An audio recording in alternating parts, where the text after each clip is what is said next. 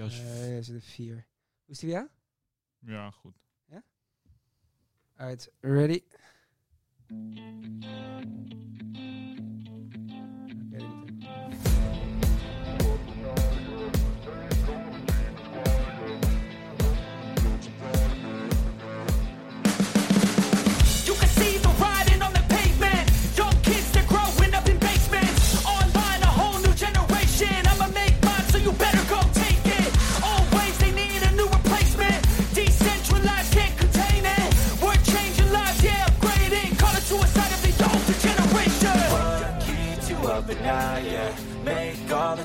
Quiet, yeah. We were built to thrive, yeah. I think that we've all had enough. What keeps you up at night, yeah? Make all the demons quiet, yeah. We were built to thrive, yeah. Hij won in 2008 het Nederlands kampioenschap wielrennen voor junioren. In 2009 ging hij rijden voor de opleidingsploeg Rabobank Continental. Zijn bijnaam heeft hij aan die tijd te danken. Zijn ploeggenoten begonnen hem Sokkeloen te noemen, omdat hij altijd bezig was met het aanpassen van zijn sokken. In 2011 reed hij voor de continentale ploeg Donkers Koffie Jelly Belly. En in 2012 stapte hij over naar Parkhotel Valkenburg en won hij de Ronde van Namen. In 2015 werd hij tweede in de Ronde van Azerbeidzjan, achter Primoz Roglic. Inmiddels rijdt hij strandraces races en zit hij op de gravelfiets.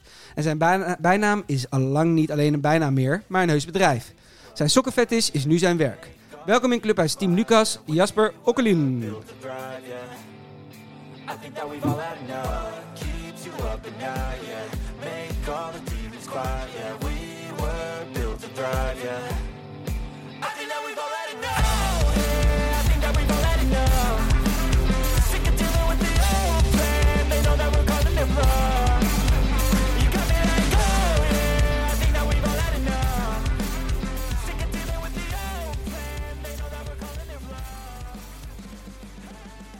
Geen fout in de intro, Jasper. Ik heb het niet gecontroleerd van tevoren. Nee, geen fout. Alleen Okkeloen klonk als Okkelien. Ah, sorry. Nee, nee, nee, Oké. Okkeloen is het, Okkeloen. Hey, welkom. Heel even eerst een rondje aan tafel. Ik ben, ik ben Jerry. Ik vervang Lucas, want die is in Gent. eh, samen met Julian. Eh, verder aan tafel zitten. Fabio en Lucas. Goedendag allemaal. Ehm, Jasper, we willen eigenlijk beginnen. Eigenlijk, we hebben twee dingen om mee te beginnen. Ik begin gewoon even met. eh, want de jongens hebben ook iets voorbereid. Maar ik eh, begin even met waar we eigenlijk altijd mee beginnen. Dat zijn een aantal korte vragen voor jou. gericht op je jeugd. Dus, dus als je een kort antwoord kan geven. En daarna kunnen we nog even verder praten over. wat je eigenlijk de leukste vraag vond. Of misschien wat, wat meer over wil vertellen. Ehm, te beginnen. Wat is je eerste actieve herinnering aan racen op een fiets? Ehm, ik denk eh, de avondfietsvierdaagse in, eh, in Dordrecht. De avondfiets, ja. Oké dan, goed. Hey, en wanneer is de liefde voor de fiets echt ontstaan? Ehm, ja, toen eigenlijk al de categorie 1, eh, jeugd. Dat is vroeg. Hoe oud was je toen?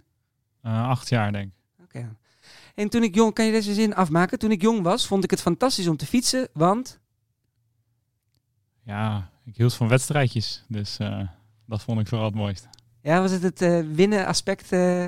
Ja, ja, ja, ja. Ik zat er net nog aan te denken, maar echt gewoon duurtraining of zo, dat was niet echt eh, wat ik leuk vond. Ik hield meer van eh, de trainingen en eh, proberen eh, elkaar eraf te rijden, sprinten, dat soort dingen. Als tiener haatte ik de sport als ik... Poeh. Ja, ik, ik, iedereen zei altijd tegen mij van probeer het plezier erin te houden. Dus ik, ik probeerde wel om gewoon als ik geen zin had niet te gaan trainen of zo. Dus ik heb niet echt dat ik dingen echt haatte. Oké dan. En als ik nu, laatste, als ik nu weer 15 zou zijn... Wat, dan zou mijn belangrijkste advies voor jouw mini-me zijn... Ehm, ja, misschien iets minder fanatiek zijn. Dus, eh, en ook tijd nemen om rust te pakken. En eh, gewoon genoeg eten. Ik was een beetje te fanatiek toen ik jong was. Dus dan deed ik te veel school, te veel trainen en te weinig eten combineren. En dan eh, word je niet meer beter. Nee, precies. We hadden het net ook over, hè? want eh, jij was aan het eten eh, Hm. toen we binnenkwamen. Ja. En eh, veel, veel eten, zei Jasper. Ja, ja dat, dat, ik, toen ging het over hoeveel, hoeveel pasta ik at. En dat was, dat was 270 gram, omdat ik het had afgewogen. En toen ging het daarover... ehm, Zag er een stuk meer uit. Het was een flinke bak was het. ja, ja, maar dat- dus drooggewicht was het. Ah. Dus ongekookt. En dat ging er dan over eh, ja, dat je maar beter te veel kan eten dan te weinig. Oké. Hey Jasper, eh, eh, heel even over vroeger. Hoe, hoe, eh, vertel eens over, de, over je jeugd en toen je begon met fietsen. Je was dus al acht toen je al wedstrijdjes fietste. Ja. Hoe kwam dat? Door je, je ouders of jezelf? Of, eh, Ehm, ja, ik woonde in Dordrecht. Daar had je fietsclub DRC De Mol. En mijn vader die, die deed aan tourfietsen, dus die reed toertochten. Maar ja, dat vond ik eigenlijk super saai. En toen was er ook een jeugdafdeling. En toen, ja, ik begon dus een keer met die fietsvierdaagse, die avondfietsvierdaagse. En ik dacht eh, lekker met mijn vader eh, rustig, of mijn vader dacht lekker met Jasper rustig rondjes rijden. Maar we gingen als laatste weg en ik probeerde allemaal als eerste binnen te komen om al die mensen in te halen de hele tijd. Dus toen zei hij van ja, eh, jij moet echt bij de jeugdwielrenners gaan rijden. Dan kun je een lekker eh, wedstrijdje doen. Is het nu nog steeds, die Vierdaagse? Geen Die fietsvierdaagse? volgens mij. Ah, het is geen eh, baanwedstrijd, maar het was gewoon op normale fietsen. Net zoals de avond eh wandelvierdaagse was dat dan de avond fietsvierdaagse. Eh, maar ik zag het dus gelijk al als een wedstrijd. En toen eh, heeft mijn pa me dus eh, bij de mol gebracht. En ben ik daar eh, ja, maandag en woensdagavond gaan trainen. En eh ja, was altijd heel leuk met korte tijdritjes, puntenkoersjes. Ja, heel veel spelelementen. En dat eh, ja, vond ik super leuk. En al snel ging ik dan die jeugdwedstrijden doen met landelijke jeugdtoernooien, NK's, jeugdwielrennen. En eh, ja, toen eh, was ik verkocht. Oké, en kon je er wat aan? Ja, op zich, eh, ik was best wel goed. Ik was in ieder geval super fanatiek.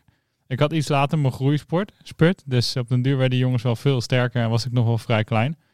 Maar in categorie 3 werd ik dan ook Nederlands kampioen veldrijden bij de jeugd. En ja, daarna geen Nederlands kampioen of zo geworden bij de jeugd, maar wel altijd voorin en altijd fanatiek. En bij het nieuweling had ik het best wel moeilijk doordat ik wat achterliep met eh groeispurt ten opzichte van die andere jongens. Maar eh, ik reed wel gewoon de klassiekers uit en zo. En toen bij de junioren, toen, eh, toen had ik een beetje mijn groeispurt. En toen eh, ja, werd ik dus Nederlands kampioen als tweedejaars. Ging ik mee naar het WK eh wegwielrennen in eh, Zuid-Afrika. En het WK veldrijden in eh, Treviso. Dus dat was wel eh, gaaf. En toen ging ik eigenlijk gelijk door naar eh Rabobank eh, Continental opleidingsteam. Gelijk vanuit de junioren gewoon door. Ja, ja, ja, ja. En veldrij, veldrij, eh, als veldrijder of als, als wegrijder? Eh, als wegwielrenner eigenlijk toen, ja. precies. Ja, Dus eh, vanaf toen is veldrijden heb ik het ook wat minder gedaan. ja precies. En, en eh, heet dat? Ik, hoor wel eens dingen over jou, omdat we een paar dezelfde mensen kennen. Je bent ongeveer de meest handige man op de fiets die rondrijdt eh, rond en om Amsterdam, toch?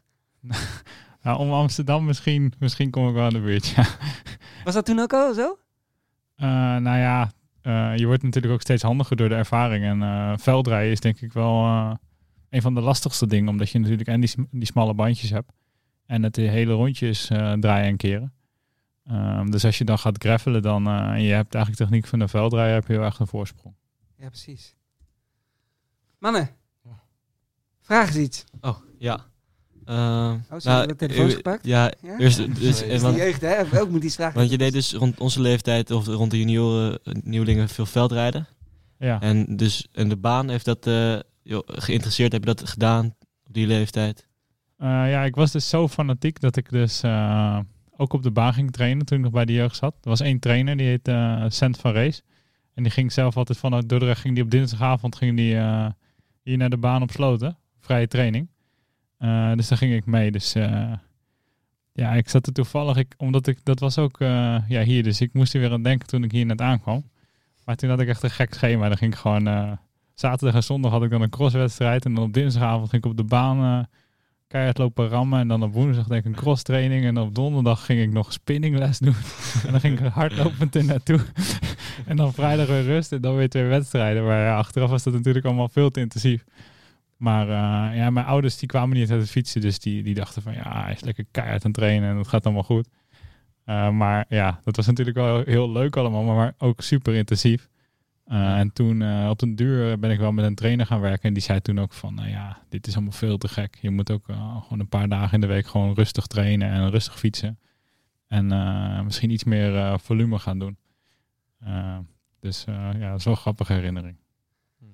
En is dat nu, is dat ook iets wat je, want je zei het eigenlijk al toen eh, bij de intro vragen, zeg maar, wat meer rust nemen. Is dat denk je nu anders? Is dat, is dat beter geregeld dan toen jij jong was? Ehm, ja, dat is een hele goede vraag. Ehm, ik denk wel dat eh, de inzichten in training zijn natuurlijk veel beter. Dus eh, iedereen heeft sowieso Strava, trainingsschema's, vermogensmeters. Eh, dus, dus wat je doet is al veel beter inzichtelijk. En ook in de training is het al veel beter inzichtelijk in welke zones je bijvoorbeeld zit. dus dat is een heel groot verschil. Eh, en ja, de kennis is daarin ook wel ontwikkeld. Dus ik denk wel dat het beter is.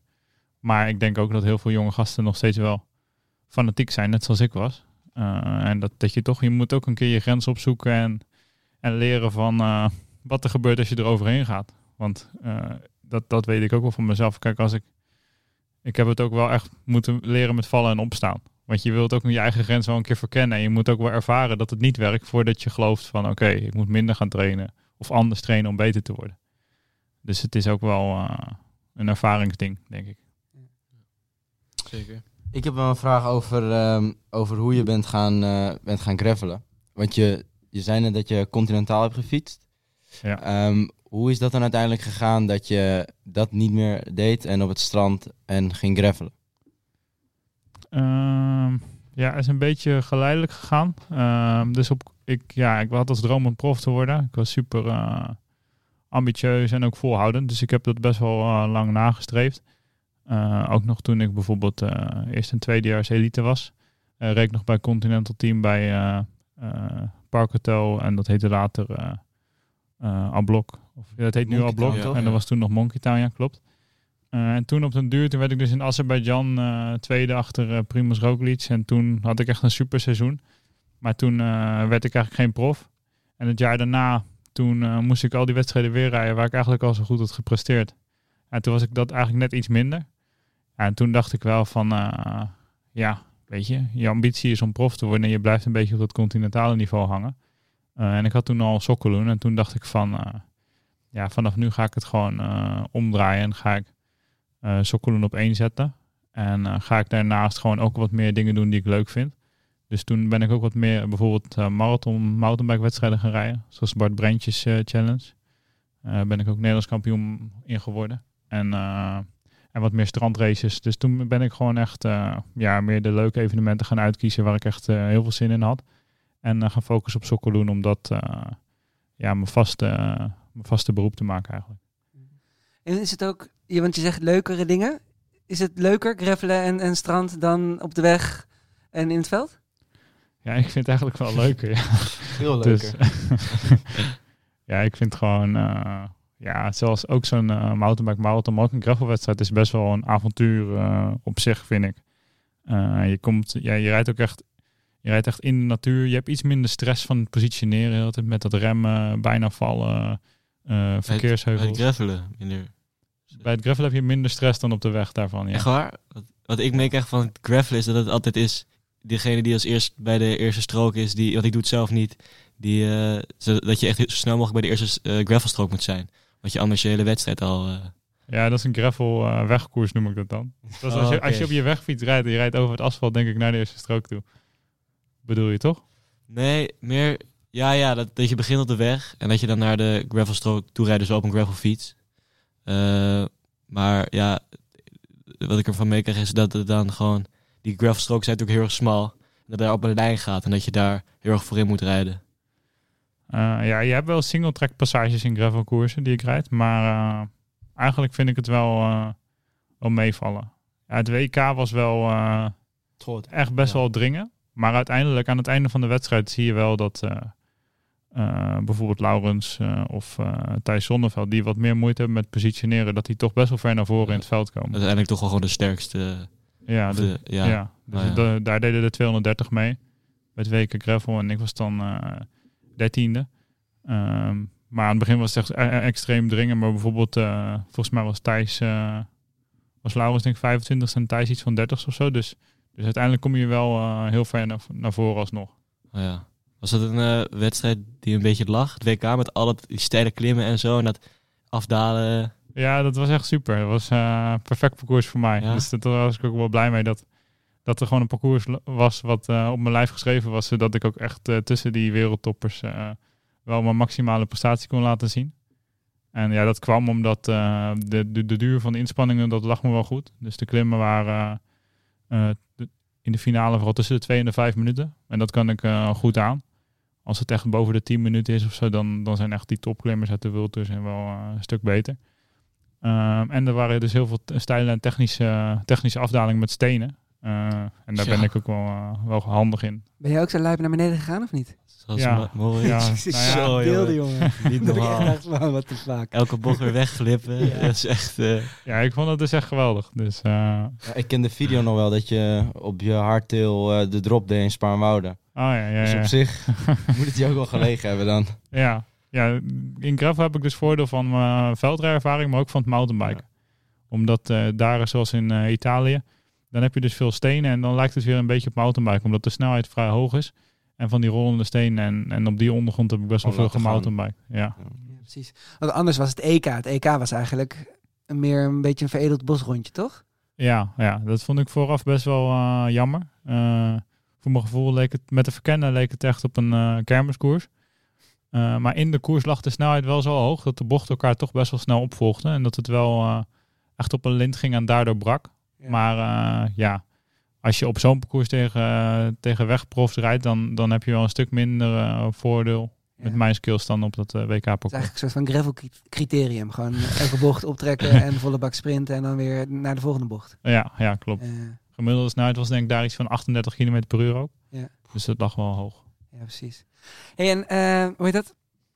Wat, wat, wat is het leuke van het gravel? Je zou het combineren van, zeg maar, eh, van techniek en, en, en in bossen en de vrijheid, zeg maar, in de natuur. Maar, maar wat is het nog meer? Ja? Ehm, ja? ja, je kan daar denk ik ook een onderscheid in maken tussen trainen en, eh, en wedstrijden. Eh, ja, trainen vind ik inderdaad vooral die vrijheid leuk en dat je nieuwe paden ontdekt. Dat je ook gewoon mentaal lekker bezig blijft. Dat je niet een, zoals eh, met eh, mijn vriendin Rianne maak ik altijd grapjes over rondje ringvaart. Dat is haar favoriete, of rondje Markenmeer, sorry. Dat is haar favoriete rondje met alleen maar rechtdoor. Ja. Dus, en Rie is een tijdrijder, dus die houdt ervan om gewoon de hele tijd eh, hetzelfde tempo. En, en ik vind dat echt vreselijk. Dat is het allerergste wat je mij kan aandoen. Ja. En ik vind het juist lekker om mentaal bezig te blijven en in het bos en eh, over boomstammen springen en eh bochten maken en een beetje spelen, weet je, en elkaar, elkaar een beetje gek maken. Dus dat vind ik heerlijk aan trainen op gravel. En, eh en koers is een beetje eh, ertussenin. Dus eh, je hebt natuurlijk wel wat meer wedstrijdspanning en, en de prestatie is ook wel heel belangrijk voor mij. Maar ja, ik kan wel die skills kan ik wel wat makkelijker gebruiken om van voren te zitten, om verschil te maken, om anderen onder druk te zetten. Dus ja, dat, dat, dat maakt het ook wel leuk. Ik denk dat het leuke er ook aan is dat het een soort avontuurtje is bijna. Dat het is, het is eh, je weet niet echt wat je kan verwachten als je het bos ingaat. En je komt altijd wel op nieuwe plekken uit. En eh, het, is, ja, het is constant anders eigenlijk. Ja, ik denk dat ik er tussenin zit. Ik vind namelijk, ik vind het mountainbiken heb ik, omdat ik gewoon, ik ben veel, ik ben ik op mijn midden twintig ergens gaan fietsen. Dus, dus technisch, ja, weet je, ben ik echt een kneus. Dus als ik ga mountainbiken, dan, ga, dan komen mensen langs waarvan ik denk van, ja, maar jij, jij kan helemaal niet harder gaan dan ik, want kijk naar jou en kijk naar mij, dat kan niet. maar omdat ik gewoon zo slecht technisch ben, ik ben ook nooit moe als ik ga mountainbiken, want dan ben ik aan het einde denk van, ja, wat heb ik gedaan? Dus als ik ga gravelen, dan vind ik het leuk. Maar dan vind ik het leuk om op de Veluwe te gravelen. En dan gewoon lange, rechte paden. Waar ik wel gewoon mezelf, zeg maar, fysiek ook kan afbeulen. Want als het te technisch wordt, dan weet je, ja, single track op mijn gravelfiets. Dan, ja, dan ben ik alleen maar aan het glibberen en aan het, aan het niet vallen, zeg maar. Ja, ja, ja. ja. Maar goed, daar heb jij niet zo heel veel last van.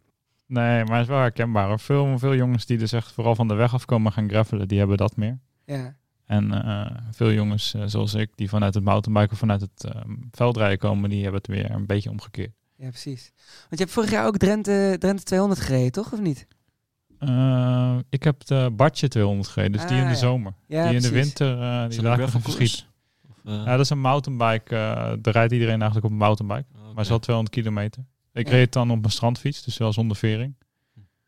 Eh, En dat is ook een combinatie van lange stukken rechtdoor, maar ook wel echt technische singletracks, toch? Ja, ook wel single tracks. En omdat het eh 200 kilometer is, eh 7 uur is het wel echt. eh, kijk, op, op een gravelfiets eh, over single tracks rijden gaat wel, maar na, na, drie, na drie uur dan ben je er wel klaar mee. Merkte je niet dat je helemaal uitgeput raakte omdat je geen vering had?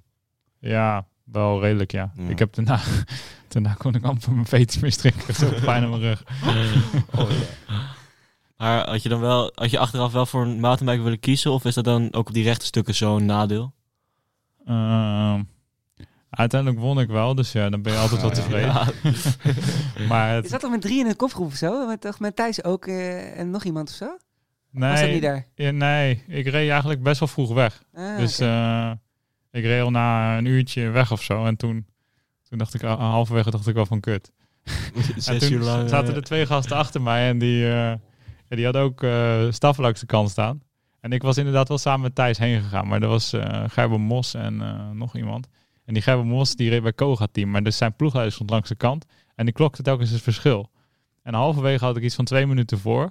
Maar toen tegen het einde raakte ik wel wat leeg. Ik had ook geen verzorgers, dus ik was ook nog gestopt om bidonnen te vullen en zo. Dus had ik ook wel wat tijd verloren. En, en ik kreeg last van mijn rug en zo. En eh, ja, die bordjes zoeken is ook nog best wel lastig als je eerste rijdt. Dus eh, toen begonnen ze langzaam wat in te lopen. Maar die verzorger van hem, die riep de hele tijd tegen hun de achterstand, de, de achterstand die ze hadden. Maar dat werd dus kleiner. Dus de laatste 10 kilometer was echt een hel voor mij. Want ik was helemaal, helemaal kapot. En ik, en ik merkte gewoon dat ze steeds dichterbij kwamen. Maar ik, ik kon niet opgeven, want ik moest nog net even 10 kilometer door, weet je. Dus ik hield het wel vol. Maar dan heb je echt zo'n zo'n vreselijk opgejaagd gevoel. Dat je harder wil dan dat je eigenlijk kan. En dat je, ja, dat je niet meer eh, zelf in controle bent. Dus dat is ook een soort van mentaal ding. Dat als jij, vaak als je zelf in controle bent, dan kan je heel goed je inspanning pacen. En, en heb je een heel lekker gevoel. Maar als iemand anders jou het tempo oplegt en je bent niet meer in controle, dan verandert dat echt in een kutgevoel. En het is heel moeilijk om nog goed af te zien. Dus dat had ik toen. Dus ik was wel blij dat ik het nog net redde. Wil je vraag? Nee? Oh, eh, nee, ni- niet per se over. Nou, ik eh, net, net zei je van eh, dat je dat eh gravelen vooral leuk vond met het technische en eh, dat soort dingen en minder rechtdoor. Maar, eh, want je doet ook strandracen. En dat is volgens mij heel veel rechtdoor, toch? Of is dat eh, ook weer anders? Ja, dat is de meest gemaakte eh, fout van mensen die zelf niet strandracen. Dat ze denken dat op het strand dat het eh, saai is. Maar eh, het strand is eigenlijk overal anders. Dus, dus je hebt heel veel muien bijvoorbeeld met water. En Ja. je hebt verschillende soorten stroken zand. Dus je moet eigenlijk op het strand... Het, loopt misschien wel, de, het strand loopt misschien wel rechtdoor. Maar in de praktijk ben je de hele tijd aan het zoeken naar, naar de beste lijn. En je hebt wind mee en wind tegen. Eh, Ja. Waardoor het tactische element ook best wel eh, een invloed heeft. En dan heb je nog vaak op een afgang of keerpunt. Ja, precies. Dus eh, ja, zeker in de wedstrijden is het, is het zeker niet saai. En, en ook de inspanning is eigenlijk wel... Ja, de inspanning past mij ook wel goed. Het valt wel mee dat het... ja, door dat tactische element en doordat je toch ook wel veel in groepjes zit... is het een soort van midden tussen mountainbike en, en wegrennen. Dus je hebt iets meer tactiek, iets meer groepvorming. Maar je hebt er wel technische elementen bij eh, de op- en afgangen. Ja, oh ja. ja leuk. Eh, Lucas, wil jij, nog- wil jij nog dieper ingaan op het eh, gravelen? Of, eh, Nee, ik had nog wel gravel vragen. Heel wat gravel vragen eigenlijk. Ehm, nou, ik, ik gravel zelf ook. Ik was, eh, na het, bij het NK was ik na, na drie minuten eh, was ik lek gereden. Ehm, was, dit draaide die eerste strook op en dan had je zo'n bocht naar rechts. En daar reed ik lek. Eh, en ik had geen materiaal bij me. Wat neem jij op je fiets mee? Dat is wel grappig, want ik reed één bocht daarna uh, reed ik mijn velg door midden. Nee. Dus eh, toen stond ik ook stil bij het NK. Ja, het zijn echt van die hele scherpe stenen. Het is echt... Ja. Dus dat is wel eh kloten. Ja, pech, pech is wel een, eh, een nadeel van het gravelen. Dus eh, soms is ook pech echt pech en dan Ja.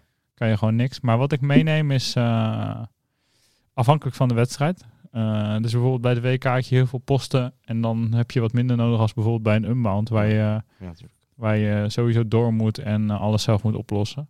Dus maar ik neem sowieso eh, patronen mee en een eh, en één of twee opzetstukjes. Ik heb in unbound wel eens gehad dat het opzetstukje stuk ging en toen kon ik ook niks meer. Dus, Mm, dus ja. daar neem ik er nu altijd twee mee. Maar het is sowieso een tip om dat opzetstukje regelmatig even te testen als je hem lang niet gebruikt hebt. Want soms gaat er wat mis met dat rubbertje of dat pinnetje en dan doet hij het gewoon niet goed meer. En als je daar in de wedstrijd achter komt, dan sla je jezelf ook voor je kop. Ja. Ehm, dus dat en die patroon is een tip om de grootste patronen mee te nemen, die 500, 25 gram. Anders heb je kans dat die niet zo popt. Ja, precies. En, dan, eh, en dan kan je hem ook bijpompen en weer gaan rijden. En stel dat hij nog afloopt, dan kan je hem met hetzelfde Mhm. patroon vaak nog een keer eh, bijpompen. Tot, eh, tot hij dicht door de latex bijvoorbeeld. Ehm, en dan neem ik, ik neem altijd Dynaplugs mee als plug. Dat is een soort van pin met een...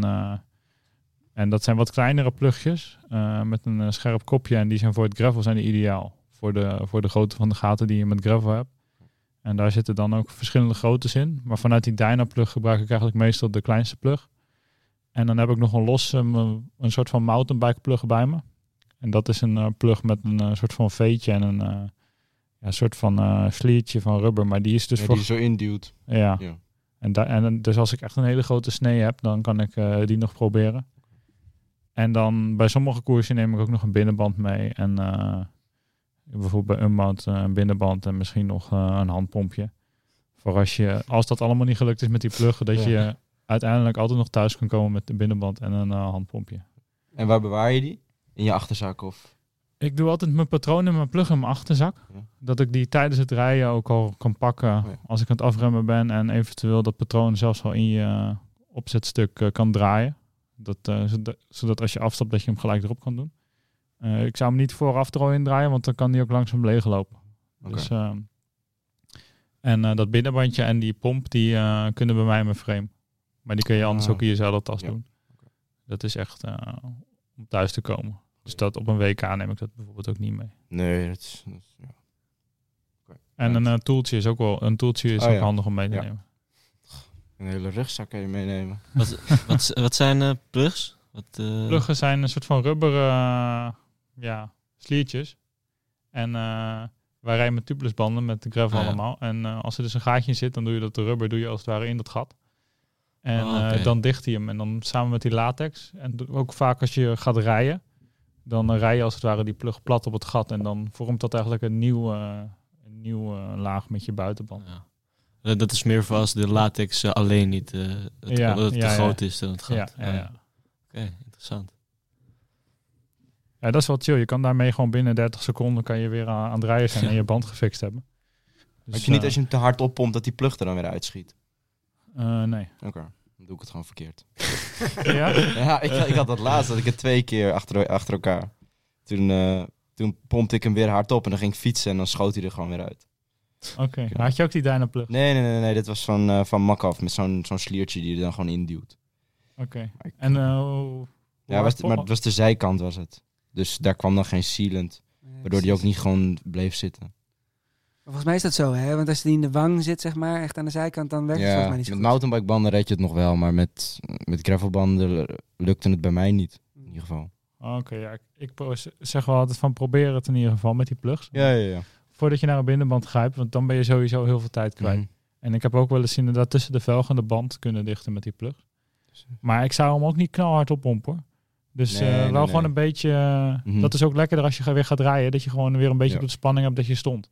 Ja, dat is waar. Dus, maar ik weet niet hoe hard je hem pompte. Maar Ja, hij was, hij, hij, hij was weer van de, van de band afgeschoten. Ik reed erop en toen ging die helemaal leeg. En toen Ah, ja. schoot hij van de band af. van de dus moest velg. Van de velg. eh, ja, van de velg, ja. Dus toen moest ik hem weer helemaal oppompen. Ja, je en moet, dat, ja, dat lukte niet. Maar hij plopte hem niet. Nou ja, dat, dus- dat dus wel. Maar toen schoot die plug eruit toen hij eenmaal hard stond. Oké. Hey, je zei het al even, Unbound. Ehm, hoeveel keer? Je hebt hem één of twee keer gereden nu? Eh, drie keer. Drie keer al. Ja. Hoe is dat? ja, het is wel heel vet. Dus eh, ja, nu heb je in Europa ook steeds meer gravelwedstrijden. Toen ik daar de eerste keer heen ging, was het, eh, er was nog geen UC-serie. Was het dus echt eh, een beetje pionieren. En dat was gewoon de grootste wedstrijd van de wereld. Eh, eigenlijk sinds dit jaar en vorig jaar is het WK Gravel denk ik nog net iets prestigieuzer. Omdat daar echt eh, ja, wat bekendere namen nog aan de start staan. Maar eh, daar, doen wel, daar is het gravel begonnen. En ja, het is gewoon heel speciaal om, om in zo'n andere omgeving een fietservaring te hebben. En een wedstrijd te hebben waarbij je gewoon, ja, als er iets gebeurt of als je pech hebt, dan moet je echt gewoon serieus nadenken van hoe ga ik hier weer wegkomen. Want er is gewoon niks omheen, weet je wel. Je kan ook niet even teruglopen of, of even op een platte band eh, doorrijden. Die koers is echt zo 400 kilometer of zo, toch? Of hoe lang is die? Ja, dat is Drie- 200 mijl. Alleen ze doen altijd wat extra's bovenop. Dus meestal 335 kilometer of zo. Oh ja, jezus. Maar ook door de middle of nowhere, toch? Gewoon, Ja, ja. ja. En het Ja. is ook echt eh, super warm. Eh, ja, wel tussen de 30 en de 40 graden vaak. En je hebt maar twee punten waar je assistentie van buitenaf mag krijgen. Dus eh, ja, we doen er ongeveer 10 uur over. Dus dat zijn drie eh, stretches van eh, ongeveer drie uur. Iets langer nog. En dan moet je dus al je drinken zelf meenemen voor ja, tussen de rond de 30 graden. Dus dat is echt wel. je rijdt met camelback en dan. Ja, ik probeer zoveel mogelijk drinken mee te nemen. Ik neem vaak. vorig jaar nam ik drie grote bidons van 750. Dus dat is iets meer dan 2 liter. En dan één grote camelback van, eh van 2 of 2,5 liter. Dus rond de 4 liter heb je dan bij. En, eh, Red je dat ermee? ja, ja, ik drink best wel veel. Dus dat red ik net. Ik eh, dronk iets van een liter per uur wel. Dus twee eh, kleine bidons per uur. Oh, ja. En dan 10 uur, dus dan 33 gemiddeld. Ja, ja. Dat is ook heel erg afhankelijk van de omstandigheden. Ja. Eh, ook met, met eh, de hitte en modder en dat soort dingen. Dus eh, dit jaar was het weer wat langzamer. Maar vorig jaar toen Ivar won, mijn maatje, dus ik, ik ga altijd samen met hem daarheen. Toen, dat was de snelste editie ooit. En toen had hij, ja, volgens mij 9,5 uur of zo. Ben je dan blij of jaloers? Hoe dat competitieve, zeg maar, en het gravel? Denk je dan, hé, hey, leuk, hij heeft gewonnen? Of denk je, eh, kut, ik had willen winnen? Ja, een beetje een combinatie. Dus ik was natuurlijk wel heel blij voor hem dat hij won. Maar twee weken daarvoor, eh, dat was, ik praat dan over vorig jaar, twee weken daarvoor won ik die wedstrijd. En ik was ook wel, ik voelde me heel goed. Eh, dus ik was wel benieuwd hoe ik was geëindigd. Maar ik had toen dus ook pech en eh, met een band die zo erg kapot was dat ik ja, na drie pluggen nog niet dicht had. Dus toen moest ik ook een binnenband erin gaan leggen. En ja, ik had daar zoveel tijd mee verloren dat ik niet meer terugkwam. Ja, ik weet nog wel iets van. Ja, ik weet niet meer hoeveel ik was. Wel top 20, maar niet meer vooraan terug. Zou je zelf liever WK Gravel winnen of Unbound? Want Je zei net dat WK Gravel ietsje hoger staat aangeschreven. Ja, WK Gravel. Ik, Ja? heb, ja, ik heb die vraag al eerder gehad, dus ik heb er al lang over nagedacht. Maar ik vind het toch prestigieuzer als je Wout van Aert en eh Mohoric bijvoorbeeld dit jaar. En vorig jaar deed Mathieu mee. Als je hun zou kunnen kloppen, dan eh een maand. Want Ja, maar is dat dan puur de tegenstand? Want, want de wedstrijd is natuurlijk ook, ja, hoe zeg je dat? WK Gravel is, ja, hoeveel keer gehouden nu? Twee, Twee keer. Twee keer, ja. Ja. En Unbound is, is, een, is een icoon, toch? Is, is een iconische wedstrijd. Maar ja, klopt. Ja, ik denk dat het moeilijker is om het WK Gravel te winnen dan Inbound. Dus eh, Ja, van daaruit eh, zou ik die liever winnen. Want ligt het niveau hoog daar in Amerika? Want eh, die doen het ook wel serieus, toch? Volgens mij het gravelen. Ja, het is heel specifiek. Dus eh, kijk, in de breedte ligt het niveau van het deelnemersveld eh, ligt wat minder hoog. Er doen minder wildtoerrenners mee. Maar eh, de wedstrijd is zo specifiek qua voorbereiding, banden, eh, materiaal. De kans op pech is ook zo groot dat dat, eh, dat maakt het wel anders. En het is heel moeilijk om daar zonder ervaring eh, überhaupt de finish te halen. Laat staan om te winnen. Eh, Ivar en ik, Ivar won dus ook pas de tweede keer. Het jaar daarvoor hadden we allebei al ook best wel veel fouten gemaakt in de voorbereiding en in hoe we het aanvlogen. Eh, dus ja, dat is wel heel anders. Denk je dat er nog profs... Want er doen dus alleen maar profs mee bij het WK Gravel. Denk je dat er nog profs bij Unbound gaan meedoen? Ja, dat doen wel profs mee. Oh, oké. Eh, en eh, en eh, bijvoorbeeld dit jaar was eh, een gast van uh, Asje dus die was gelijk uit de Giro, was hij door. Eh, maar ja, heel vaak komen ze wel tegen.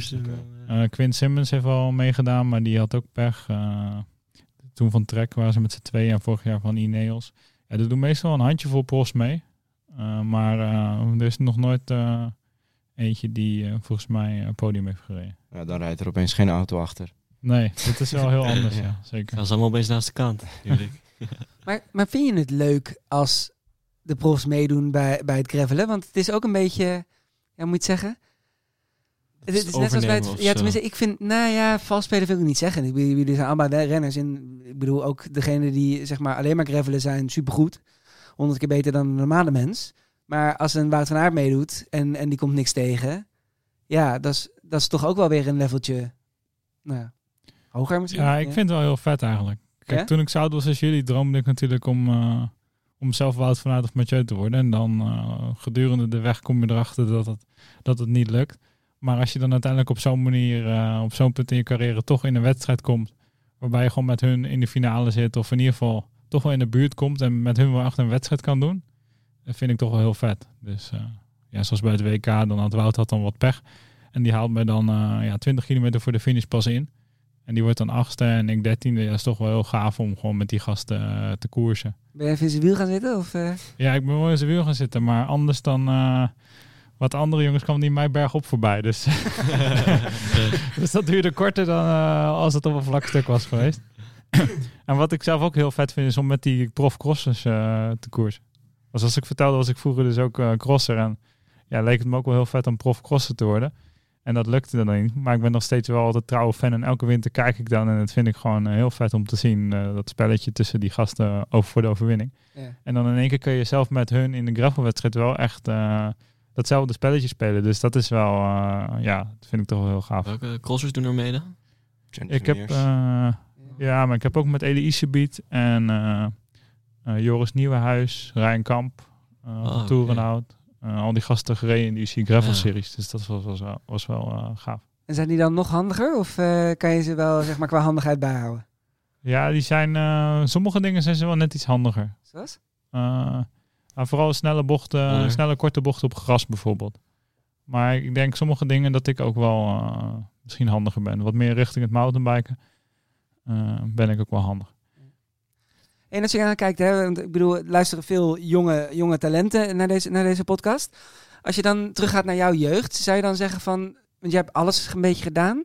Is dat, is dat een advies wat je zou willen geven aan, aan die jonkies? Van, joh, doe zoveel mogelijk, doe niet alleen maar weg, maar doe alles, want Ja, om een reden? ja, ik zou wel, ja, je moet vooral dus doen wat je leuk vindt en dat plezier eh, staat wel altijd voorop. Dat, eh, dat is ook wel tof dat je dat bij Mathieu wel heel duidelijk terugziet en dat hij daarin een voorbeeldfunctie heeft, denk ik, voor veel jongeren. Maar ik zou, ja, probeer gewoon eh, jezelf breed op te leiden en ga alles ontdekken. En eh, ik ben heel blij dat ik bijvoorbeeld het gravel heb ontdekt, waardoor ik nu nog ja, zulke toffe dingen kan doen die ik anders nooit was tegengekomen als ik gewoon alleen maar op de weg was gebleven en dan misschien was gestopt en had gezegd van ja, het is niet gelukt. Dus ja, ja en daarnaast ook vanuit een eh, sportief en eh, fysiologisch oogpunt is het ook gewoon heel goed om jezelf heel breed te ontwikkelen. En eh laten onderzoeken ook zien dat je niet per se vroeg moet specialiseren, maar juist heel laat. En je als kind gewoon heel breed ontwikkelen, ook met andere sporten. En, en dat je pas latere leeftijd echt hoeft te gaan specialiseren om ergens heel goed in te worden. Ja, want hoe zit dat in, het, in de gravel scene? Want bijvoorbeeld op de, bij de profs op de weg, bij de mannen is het dan nu bijvoorbeeld dat Pogacar op zijn negentiende heel goed, eh, de best van de wereld is. En eh, op je 38ste dat, dat je ze niet meer bijhoudt. Hoe is dat bij het gravelen? Is dat eh, andere, anders qua leeftijd? Ja, dat is een leuke vraag. Ik heb zelf wel het gevoel dat het anders is, ja. Dus eh, zoals Laurens en eh, Thijs, die zijn wat ouder en wat taaier. En die komen eigenlijk heel goed op, eh, de, eh, tot hun recht eh, in het gravel. Dus de- het gemiddelde vermogen in een gravelkoers, dat ligt vaak wel hoog. En het is iets minder eh, gepolariseerd dan een wegwedstrijd. Dus je, je, dus je hebt minder hoge piekwaardes. Eh, dus het is iets gelijkmatigere inspanning. En, eh, en je, hebt ook, ja, je hebt ook minder voordeel van het peloton. Dus aan het einde van de dag heb je vaak toch wel 4, 5 uur met eh, ja, 300 watt gemiddeld of zo, best wel hoog.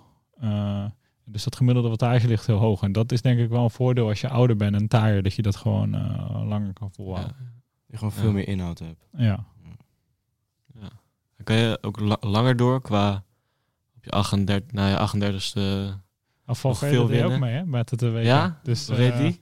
Ja, die reed heel goed. Oh, Eh, die was eh, een sprint voor de vierde plek. Ja, die was vierde. zo. Ja, dan eh, kan je dat wel zeggen. Ja. Volgens mij is het wel weer de 80 is dan. ja. Dus een, Ja. eh, ja, die blijft die blijft maar fietsen. Ehm, welke sok zou je... eh, is, er, eh, is er een sokkenverschil tussen gravel en weg en mountainbiken? Ja, we hebben wel eh, op de website speciale gravelsokken.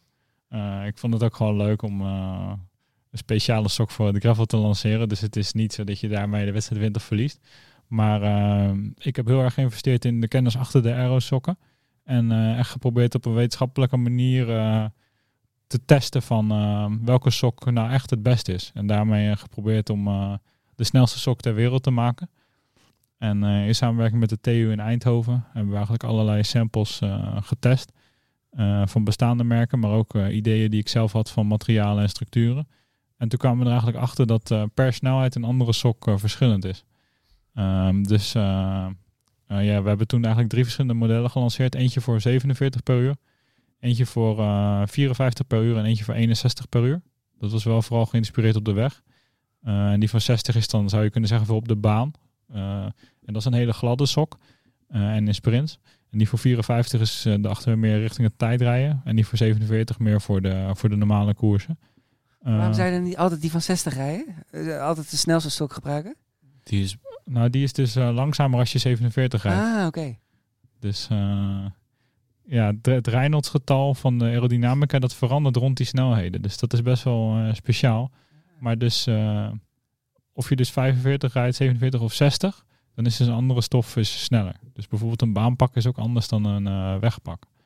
Eh, en daarom hebben we die drie modellen gelanceerd. En dus de aerosok voor het gravel is dan, hebben we de sok ge- gekozen die dus bij ongeveer 35 gemiddeld het best presteert. En dat, de- daarvoor hebben we een gravel aerosok gemaakt.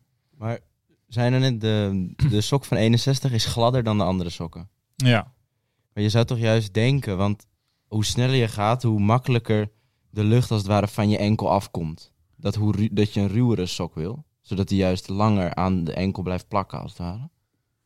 Ehm, ja, kijk, bijvoorbeeld een vliegtuig is ook helemaal glad. Dus als je Ja, ja. het extreem doorvertaalt op de hogere snelheid is glad vaak sneller. Eh, maar de Want, functie ja. van die ribbels is eh, inderdaad om het zog achter, je, Mhm. achter het object eh, te verkleinen. Dus die ribbel die eh, zorgt eigenlijk dat, die, eh, dat er een laminaire luchtlaag ontstaat op het object, waardoor die eh, lucht makkelijker loslaat aan de achterkant.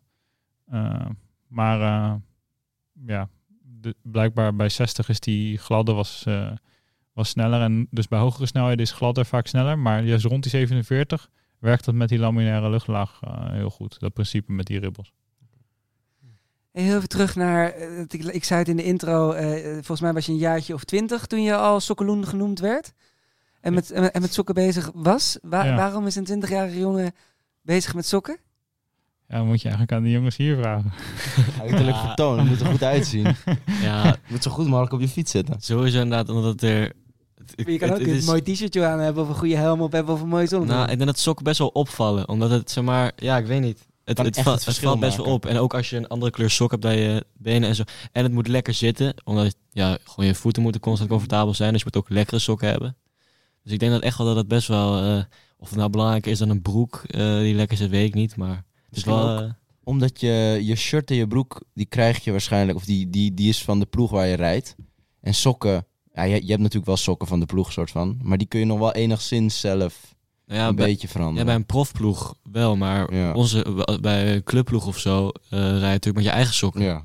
Dus dat is wel echt inderdaad, daar ben je wel meer mee bezig. Dus eigenlijk is sok het enige waar je het verschil mee kan maken. Want de rest is, is maar iets wat je krijgt. Ja, Waarschijnlijk. wel. Ja. Het is mooi dat die jongen het precies zo uitleggen als ik het eh, zou. Ja. maar er zijn ook, tenminste die verhalen gaan, ik weet niet of dat waar is. Maar er zijn toch ook profs die stiekem met jouw sokken rijden? Ja, klopt. Ja, klopt. Dus we hebben ook eh all-white variant noemen we dat. Dus zonder logo's. En eh, best wel veel jongens eh, kopen die. Dus dat is wel, eh, dat is wel heel gaaf En is- eer. Is dat iets wat de, wat de ploeg van die renner hoort te weten? Of wat is het? Ja, sommige ploegen zijn best wel soepel daarin. Dus die zeggen van ja, als het sneller is en er staan geen logo's op, het zijn witte sokken, dan mag dat. Maar sommige ploegen zijn natuurlijk ook best wel strikt en die zeggen van, ook al staan er geen logo's op, het mag niet. Maar zoals Adam Yates en Simon Yates, die hadden ze bijvoorbeeld besteld.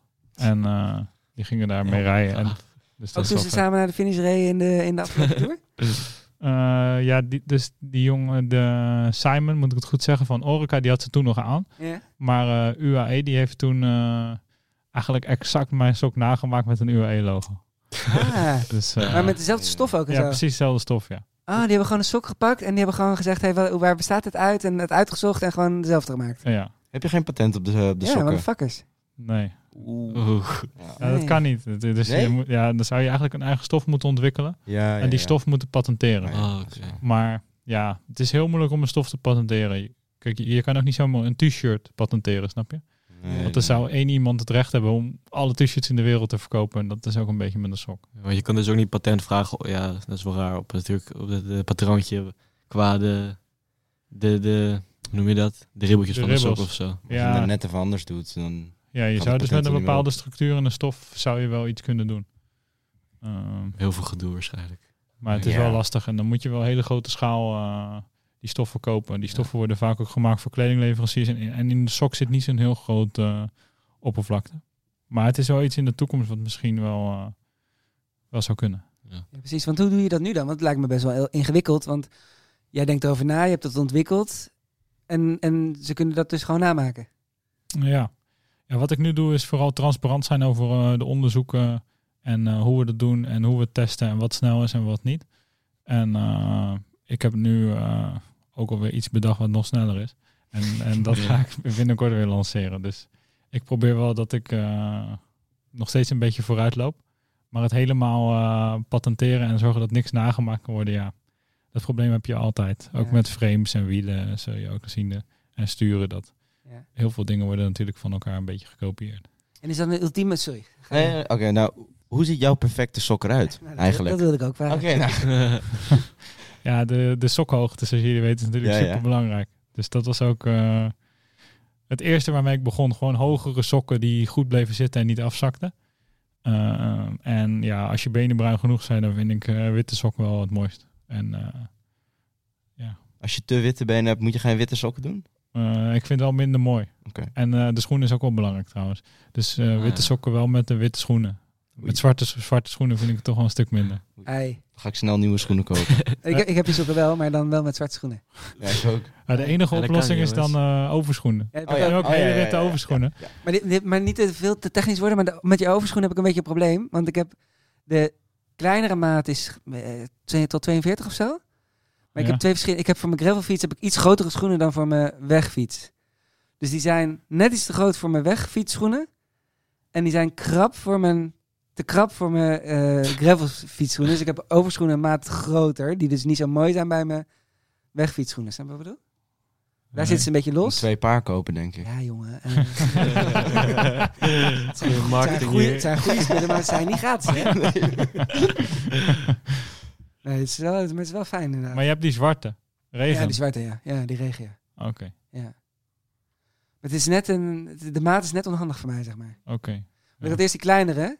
En dan ga ik een beetje reclame voor je maken, maar je bent hier ook voor ons, dus dat mag wel. Ik had die kleinere, Ja, maar die waren dus net iets te klein. En daardoor zijn ze volgens mij gescheurd van achter. ja. Eh, maar toen zijn jullie heel lief geweest, heb ik nieuwe gekregen. En toen heb ik die grotere gekocht en die zijn inderdaad niet kapot gegaan. Dus ik denk toch wel dat het eraan lag dat het ze klein waren en dat het niet eh, aan het product lag. Maar je doet toch wel eerst je overschoen aan en dan je schoenen? Ja, tuurlijk. Oké. Ja, dat kan het helemaal niet aan. Nee, precies. Ja, er Nee, zijn nee. mensen die dat proberen en hem dan kapot maken. Nee, nee, nee. en dan nieuwe vraag. Nee, nee. Zo, zo nog met Eh hey, ehm, hoe heet dat? Waarom moet iedereen op een gravelfiets? Nou, van mij moet niks. Dus eh, als je dat niet leuk vindt, hoef je het voor mij absoluut niet te doen. Dan moet je lekker op de baan gaan rijden. Maar eh, ja, wat ik gaaf vind aan gravel is, eh, waar we het net over hebben gehad, dat avontuur. Eh, gewoon eh, ja, lekker vrij zijn in de natuur. Veel meer nieuwe opties om routes te rijden. Eh, gewoon Nederland opnieuw ontdekken. En eh, ja, geen stoplichten, geen verkeer, geen gezeik van automobilisten, toeter. eh, dat, dat, ja, dat vind ik gewoon lekker. En wat is dan je ultieme avontuur eh, qua gravel? Heb je een soort van droom van, ja, dat wil ik nog een keer doen? Uh, nou, ik heb bijvoorbeeld een paar keer met uh, een aantal vrienden uit het fietsen hebben we bijvoorbeeld die Green Divide route gereden. En dan een hotelletje gepakt in, in Arnhem. Ja, dat is wel een superleuk evenement om gewoon met een groepje gasten, als het lekker weer is, te doen. En twee dagen gewoon te fietsen en plezier te hebben. En een paar keer stoppen voor eten en tasje mee met een, met een broekje en een paar slippers en uh, gaan. Dus ja. dat was wel uh, tof. En nog, en nog een grotere droom van ik denk van ik wil een keer, weet ik veel, Noordkaapronde of uh, keertje. Je hebt ook die in Amerika toch en, en die Laurens doet in uh, Colombia. Dat, ja, uh... nou, dat soort ultra races heb ik nog niet echt uh, heel veel. Maar Cape Epic lijkt me wel gaaf. Dus die mountainbike race in Zuid-Afrika. Ah, ja. Van uh, acht dagen. Ja, cool. Ja. Zullen we naar de... Uh, we hebben ook nog wat dilemma's. Of, ja, daar is er al eentje van afgestreept. Ja, ja. eentje, dat heb ik al gezien, ja. Dus ja. Die, die zullen we niet vragen. En we hadden nog een paar extra. Die had, die had ik nog niet doorgegeven. Oké, okay, we gaan gewoon... Ik zei, doe even een... Uh, hoe noem je dat? Een jingletje en dan uh, even wat dilemma's.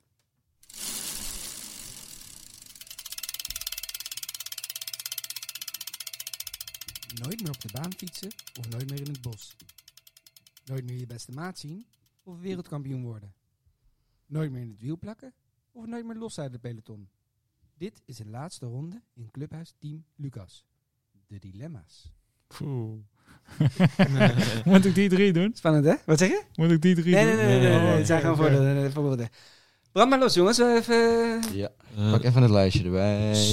Ja. Um, zou je liever um, dus alleen nog maar prof zijn of alleen nog maar sokkeloen hebben? Dus je mag de een of de ander niet meer. Moet kiezen. Ja, voor één jaar of voor de rest van nee, mijn voor je rest van je leven. Voor de rest van mijn leven. uh, poeh. Ik denk toch uh, rennen dan. Ja, want? Nou, ik hoop wel dat ik gewoon de rest van mijn leven kan blijven sporten. En uh, gewoon het geluk kan ervaren wat je hebt als je gewoon lekker buiten kan eh, fietsen. En eh, hoe je je voelt na het fietsen. En dat is toch een fijner gevoel dan dat je de hele dag op kantoor hebt gezeten. Behal- Behalve op woensdag, toch? ja, op woensdag eh, gaan we altijd fietsen sowieso. Ja. Ehm, eh, volgende. Nooit meer eh, op, het strand, op het strand rijden of nooit meer gravelen. Dus ook niet trainen en zo. Gewoon helemaal nooit meer. Een van de twee. Nooit meer op het strand. Ja? Ja. Want? Ehm, ja, gravels zijn nu veel meer wedstrijden en is veel internationaler. En eh, er is ook meer geld mee te verdienen, dus... eh, liever- Ja. Ook belangrijk. Maar ik moet zeggen, dat, ja, ik snap wel wat je bedoelt. En er zijn ook meer mogelijkheden natuurlijk met gravel. Maar ik heb wel één keer reek naar, eh, naar Wijk aan Zee. In, eh, op een doordeweekse dag, heel vroeg in de ochtend. En Wijk aan Zee ging het strand op. En het was, eh hoe heet het dat, zuidwestenwind. En Ja. ik was helemaal alleen.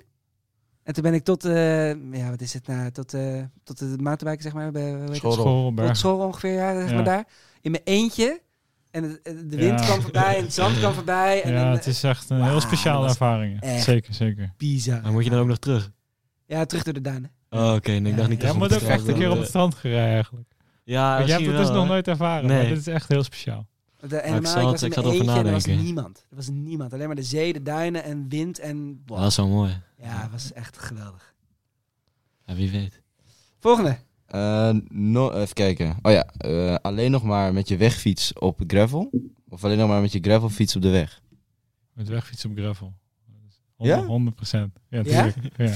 Maar dan lukt dat, zeg maar? Met, eh, want je kan nu in een, in een... Ik heb een beetje een oude wegfiets, dus daar kan alleen 25 in. Maar wat kan je, 33 max of zo in een wegfiets nu? Ik heb een, eh, ken je een Ultimate die klimfiets? Ja. Daar heb ik ook sommige gravelwedstrijden al mee gedaan. Met 35 mm banden. Ja, welke was dat nou in Amerika of zo? Waar je, waar, waar je met een wegfiets kon? Ja, Belgium Waffle Ja, Ride eh, ja. San Diego. En toen daarvoor ben ik ook naar Girona op trainingskamp geweest. Ook die fiets mee met 62 wielen. Dus wegwielen en eh gravelwielen met eh, 35. En eh, ja, heel veel, heel veel trails kunnen doen. Dus eh, ja, dat is best wel goed te doen. Want dan heb je echt een wegfiets, hè? Want ze zeggen ooit toen ik, weet ik, weet, ik denk dat ik die fiets nu, ik heb een open, zeven jaar heb of zo. En toen zeiden ze van ja, je moet een open kopen, hartstikke vet, want dan kan je dus net zo snel op de weg als op, de, als op gravel. Maar dat is echt niet waar. In, eh, nee. Want als ik er andere wielen in zet, dan is mijn, mijn aero is echt wel sneller. Ja, ja, ja, ja, zeker. Ja. Maar andersom, dan heb je dus wel eigenlijk, eh, die is wel net zo snel op de weg als een normale fiets. Want het is een, gewoon een klimfiets. Ja. ja, er zit natuurlijk wel verschil tussen een gravel en een wegfiets. Eh, maar ja, kijk, een, een aerodynamische wegfiets heeft natuurlijk aerodynamisch voordeel. Maar ook qua geometrie heeft een gravelfiets bijvoorbeeld eh, dat de voorvalhoek wat luier is en de, de wieldiameter wat langer, waardoor je ook wat comfortabeler rijdt. Eh, en het bracket zit bij mij wat lager, waardoor je eh, de snellere bochten je fiets wat makkelijker plat kan leggen. En dat is ook weer anders dan met een veldrijfiets. Ik moet heel eerlijk zeggen dat eerst dacht ik altijd, ja, dat is een beetje bullshit, al die, al die verschillende fietsen. Maar je merkt het echt wel. Ik heb ook met een gravelfiets een keer de ACC gereden. Toen was ik mensen aan het dubbelen en toen dacht ik, hoe kan het dat hun alsnog harder dan mij door de bocht gaan? Ik ging zo sloom door die, door die krappe bochtje.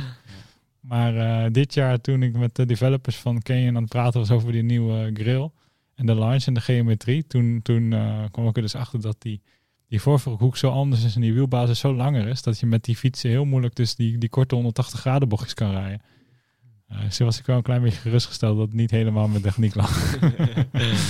ja. Want doe je er veel mee? Want ik weet dat, ehm ehm nou, ben ik zijn naam, eh, Nicky, Nicky Terpstra, die is heel erg bezig met, met fietsen en met materiaal. Is dat ook voor jou, zeg maar, naast de sokken een, een ding? Ja, ja, ja. Ik ben wel echt eh, materiaal eh freaky. dus ik vind het wel mooi om ja, daar heel veel mee bezig te zijn. En voor elke wedstrijd proberen de ideale setup te bedenken. En ook soms een klein beetje out of the box te denken. Dus bijvoorbeeld met een, met een strandfiets in de mountainbike wedstrijd die heel snel is. Of eh, dat soort combinaties eh, te maken. Ik kan me nog wel de pomp in de naaf herinneren. Dat Ja. was ook wel iets unieks. Iets, iets eh, innovatiefs, ja. Dus ik heb ook wel eens een van de eerste getest met een systeem dat je je banden op kon pompen op de fiets. Dat was nog een voorloper van het systeem wat ze nu in het profpeloton aan het testen zijn. Dus dat was met een CO2-patroon. Eh, en daar heb ik als eerste mee op het strand wedstrijden gereden en getest. En ja, toen heb ik ook wel geleerd dat je soms niet te ver vooruit moet willen lopen. Want het ging ook nog wel eens wat mis met dat systeem. en dat heeft me ook best wel veel eh, kopzorgen en, eh, en ook wel veel eh, pech opgeleverd. Dat is dan weer een ander systeem dan ze bij eh, Jumbo-Visma bij Roubaix Ja. bijvoorbeeld had gebruikt. Mhm. Dat Ja. is weer iets anders. Of? Ja, ja. Oh. Dat is een soort pomp erin. Doordat die draait zit er een soort cilinder in die pompt. Ja. Oh, oké. Geloof, geloof je erin, in, in, zeg maar bij, bij Roubaix, een heel ander onderwerp, maar we hebben het er toch over. Geloof je erin dat het werkt? Want principe is bij Roubaix toch de eerste, tot de eerste strook eh, reizen gewoon hard. En dan kan je, het- in principe zou je bijna een fiets kunnen wisselen en gewoon de rest op die andere kunnen doen, toch? Een lage bandenspanning. Eh, ja, fietswissel eh, is lastig, omdat ook positionering voor die stroken is het best wel hectisch. Ja. En het kost ook veel tijd. Dus op zich uiteindelijk geloof ik in een systeem, maar ik heb wel geleerd, je moet niet in wedstrijden gaan testen met nieuwe dingen. Dus je moet, het moet al, een wedstrijd is zo, zo hectisch. En, en zeker een Parijs-Roubaix, je rijdt achter mensen aan, je klapt overal overheen, doorheen. Dus eh, je fiets moet gewoon echt bomproof zijn. Dat is ook een beetje met gravel. En dat kan je niet doen met een systeem. eh, wat ze dan elk jaar voor Roubaix gaan ze even twee weken testen. En dan denken ze van ja, nu is het goed. Eh, ik zou daar niet te ver mee vooruit willen lopen. Ik zou pas eerst een systeem testen wat echt gewoon ja, door duizenden mensen getest is. En dat je gewoon zeker weet dat het goed is voor ik dat risico zou nemen. Hey, wat ik me afvroeg trouwens nog, even terug naar, naar eh, het technische, maar ook zeg maar eh, in de gravel scene. Je hebt de Dutch Mafia, dan heb je Laurens, jij, Ivar, eh, Thijs, Thomas, nee, ik mis Nicky. Het is een hele grote, grote groep. Ze- delen jullie dingen qua techniek en qua ervaringen en qua indeling van de races? Of is dat ook het competitieve nog wel? Ja, er zit zeker wel strijd onderling. Dus eh, we maken die Amerikanen wijs dat we allemaal samenwerken. maar eigenlijk willen we allemaal winnen. Daar komt het eigenlijk een beetje op neer. Dus eh, ja, de een is iets meer voorstander binnen de groep van eh, tactisch samenrijden dan de ander. Ik ben op zich wel, wel voorstander om elkaar een beetje te helpen. En je moet zeker niet tegen elkaar rijden. Maar ja, we hebben uiteindelijk wel allemaal verschillende sponsoren en verschillende ja, geldschieters. Dus ja, je wilt ook allemaal graag winnen. En een maand is wel het grootste ding. Dus ja, het is wel moeilijk. Dus niemand gaat er echt een cadeautje weggeven. Ja, precies. En het is ook niet zo dat als jij een bepaalde bandenspanning eh, de dag ervoor traint en, en je weet, hey, dat werkt goed, want het is nu daar en daar zo en zo nat of zo en zo droog. Dat je dan dat deelt binnen de appgroep van, hé hey jongens, ik zou bandenspanning zo en zo doen, want dat werkt volgens mij het beste. Ja, eh, soms wel en soms niet. Bijvoorbeeld met Ivar en, eh, en Thijs deel ik best wel veel. Maar misschien, eh, en met, eh, misschien met Laurens weer wat minder. Dus eh, ja. Is het, is, het spelletje, is het spelletje Laurens ook verslaan? Is dat een beetje, omdat Laurens natuurlijk ooit mee begonnen is en ja, voor zover ik kan zien qua, ja, hoe noem je dat, Ausdauer wel een van de betere is, denk ik. Als het heel lang, maand. Ja, nou, gewoon überhaupt als het heel lang duurt, dan Ja, ja. uiteindelijk komt Laurens wel boven, toch? Ja. ja, hij heeft natuurlijk ook eh Tour de France top 10 gereden. Dus, Ja. dus zijn inhoud is ongeëvenaard. Eh ja, Lau- ik heb ook het idee dat Laurens heel erg een beetje die competitie met mij en, eh, en Ivar of met Thijs eh, opzoekt of nodig heeft om zichzelf optimaal te motiveren voor een maand. Ja, precies. Ja, grappig. Ja. Oké, nog een... Nog meer, we hebben nog Ja? genoeg dilemma's hoor. Ja, ga je gang. Ehm, over fietsen. Liever een Canyon Arrow of een Canyon Ultimate? Ehm, als ik er één moet kiezen, dan die Ultimate, omdat ik daar ook mee kan gravelen. Eh, alleen nog maar eh, merino sokken of alleen nog maar aero, eh, aero sokken? Oeh. dat is wel lastig. Ik vind namelijk die marine sokken wel comfortabeler. Maar die aero sokken zijn sneller. Dus ik, ik train meer met marine en ik rij meer wedstrijden met die aero. Maar ja, als ik één zou moeten kiezen, zou ik denk ik toch voor aero gaan. Het is wel grappig, hè? Want, want het competitieve zit wel echt diep erin, hè? Ja, ja, ja. nee, nee, maar dat je, je komt dan best wel relaxed over. En eh, weet je, gewoon gezellig en leuk en handig op de fiets. Maar het gaat toch ook echt wel winnen? ja, zeker, zeker. Ik ben wel eh, extreem competitief, ja. Grappig. Eh, over die sokken ben ik wel benieuwd hoeveel, want die, die verse socks aan de planet en zo, hoeveel scheelt het nou gemiddeld qua wattage als je vergeleken met andere? Ja, dat is een eh, goede vraag, ook een veelgestelde vraag. Dat is ook een heel ingewikkeld antwoord, omdat er natuurlijk zoveel factoren eh, Ja. meespelen. Maar als je dus eh, test bij bijvoorbeeld eh, eh, 54 per uur en je vergelijkt het met een hele normale geweven sok, dan kan het zo 10 wat schelen. Ja. Maar bijvoorbeeld tussen twee aero sokken, dat Dat scheelt wel minder. Tussen twee verschillende types aerosokken. Dat scheelt bijvoorbeeld eh 2, 3 watt. Maar de, de stap van een normale sok naar een aerosok is heel groot. En eh, zeker hoe harder je gaat, hoe groter het verschil. En ook hoe groter je been is, eh, ook hoe groter het verschil. Want hoe meer oppervlakte je eigenlijk bedekt met die sok, hoe meer eh, eh, oppervlakte je hebt om sneller te gaan. Want die snokken, sok is sneller dan je huid. Ja, ja. Precies. Dus ook hoe hoger, hoe beter toch? Net zoals even een poel ze Ja, ja, na de start nog even omhoog trok toen met de tijdrit. ja, ja, zeker, zeker. Maar zou je, zeg maar, want je hebt natuurlijk ook wel vanuit de triathlon heb je ja, tot bijna tot de knie, zeg maar, die hele, hele kuit. Zou dat ideaal zijn? Ja, ja. Dat mag niet, hè? Nee, mag niet. hè? Ja, het slaat helemaal nergens op, toch? Ja, ik vind het een hele rare wie- Wie regel. was het nou bij de... Ik vind het eigenlijk wel een goede regel. vind je bij het de- een goede regel? Ja, het ziet de- er echt, niet uit als je nog hoger gaat. Bij de dames Nee, eh, wat- Europees ik kampioen. bedoel, waarom gaat de UCI zich bezighouden met hoe hoog de sok mag? Ja, aan de ene kant is je het mag alleen raar. met beenstukken rijden. Maar het goede is wel dat ze dit tenminste wel controleren. En Ja. handhaven. En heel veel andere regels zijn zo vaag. Kijk, dit is wel echt een duidelijke regel. Hij mag het halverwege. Ze hebben een tool waarmee ze het kunnen testen. Ze kunnen checken en ze handhaven het. Ja. Terwijl bijvoorbeeld in de sprint van wijk je van je lijn ja of nee. Dat is heel vaag en altijd discutabel van hoe uit te leggen. Dus dat- eigenlijk vind ik het... Ja, het is natuurlijk een mooi voorbeeld om te zeggen van ze maken zich druk over sokken en niet over echte belangrijke dingen. Maar aan de andere kant vind ik het wel goed dat ze gewoon een duidelijke limiet stellen en dat ook eh, handhaven.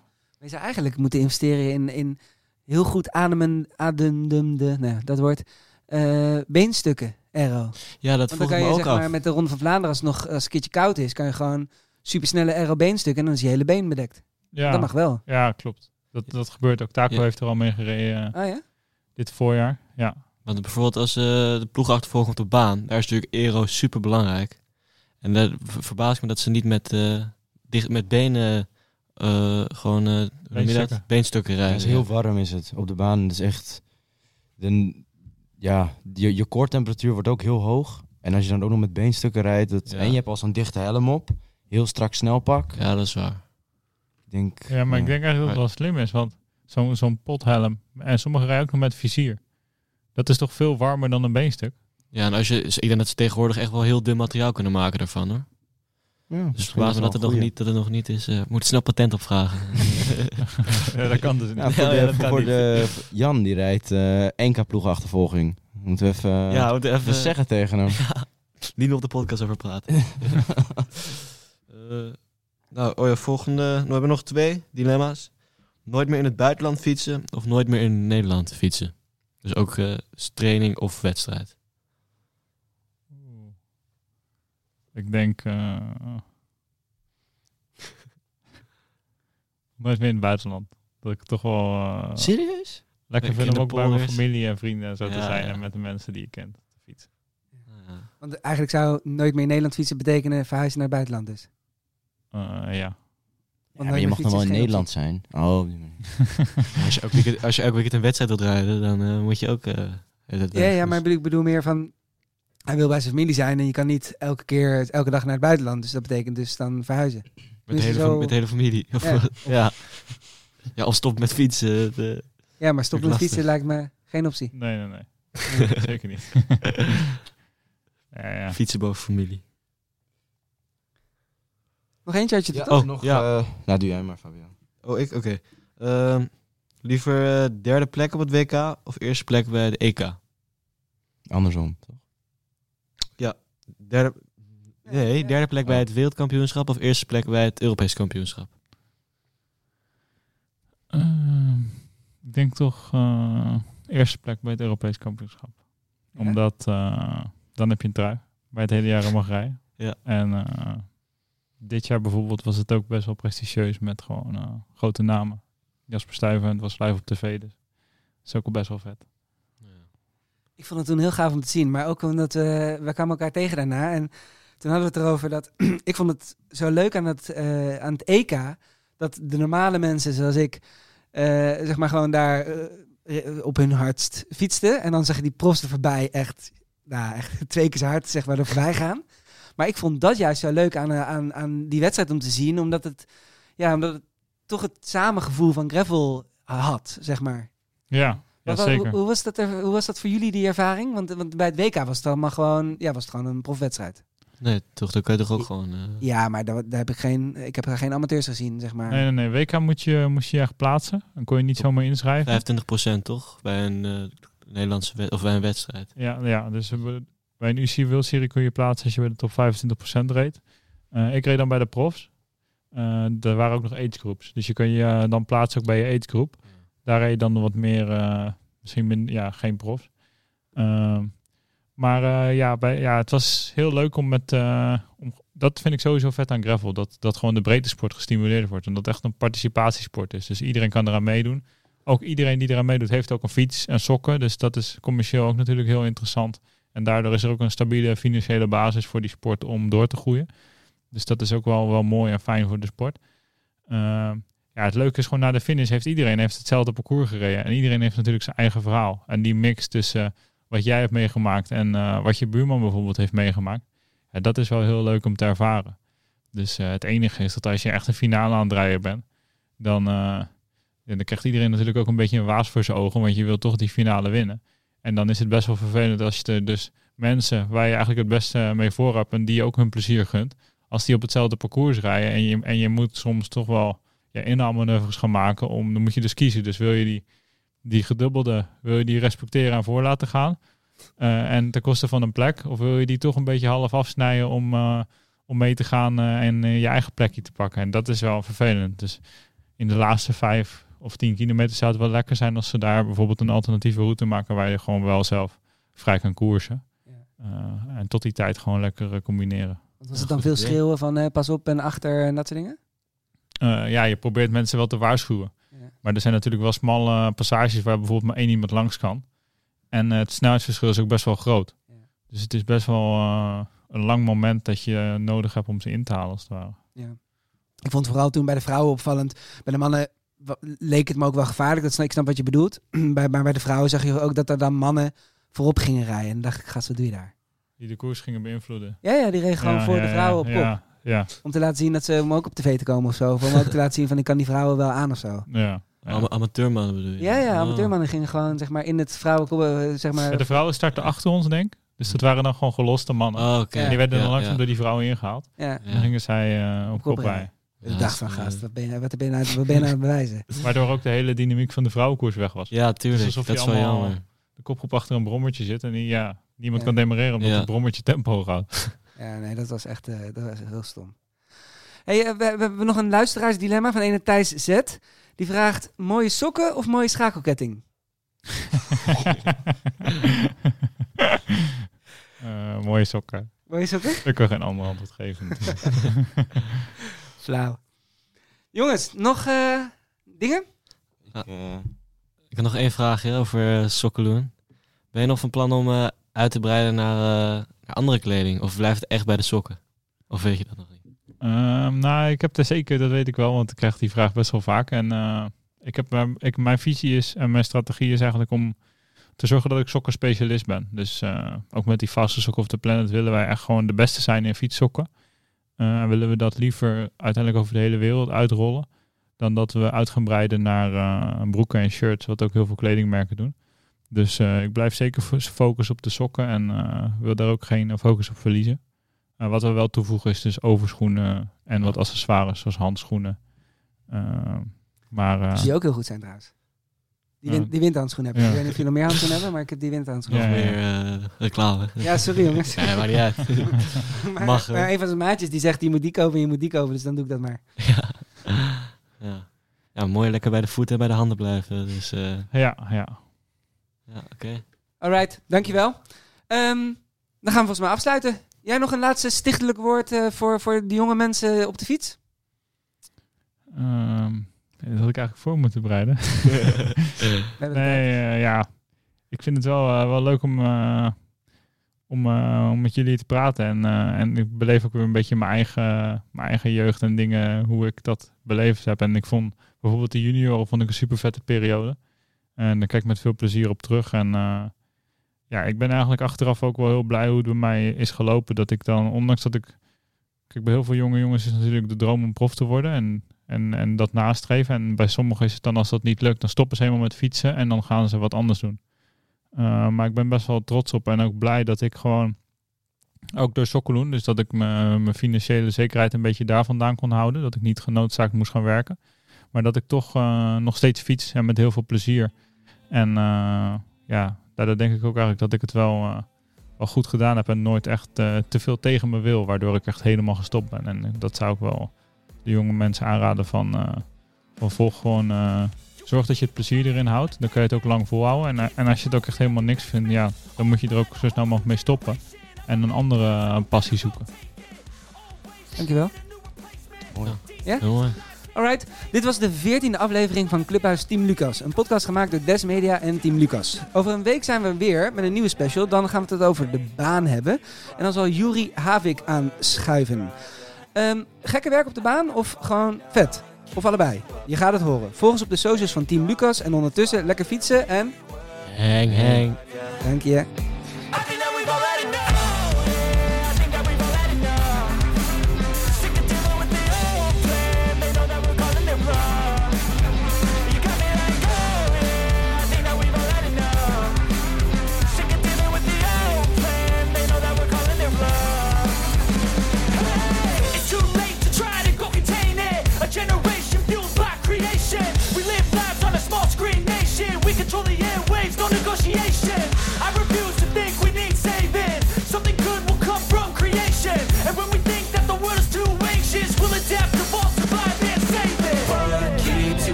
Yeah Make all the demons quiet, yeah. We were built to thrive, yeah. I think that we've all had enough. Keeps you up at night, yeah. Make all the demons quiet, yeah. We were built to thrive, yeah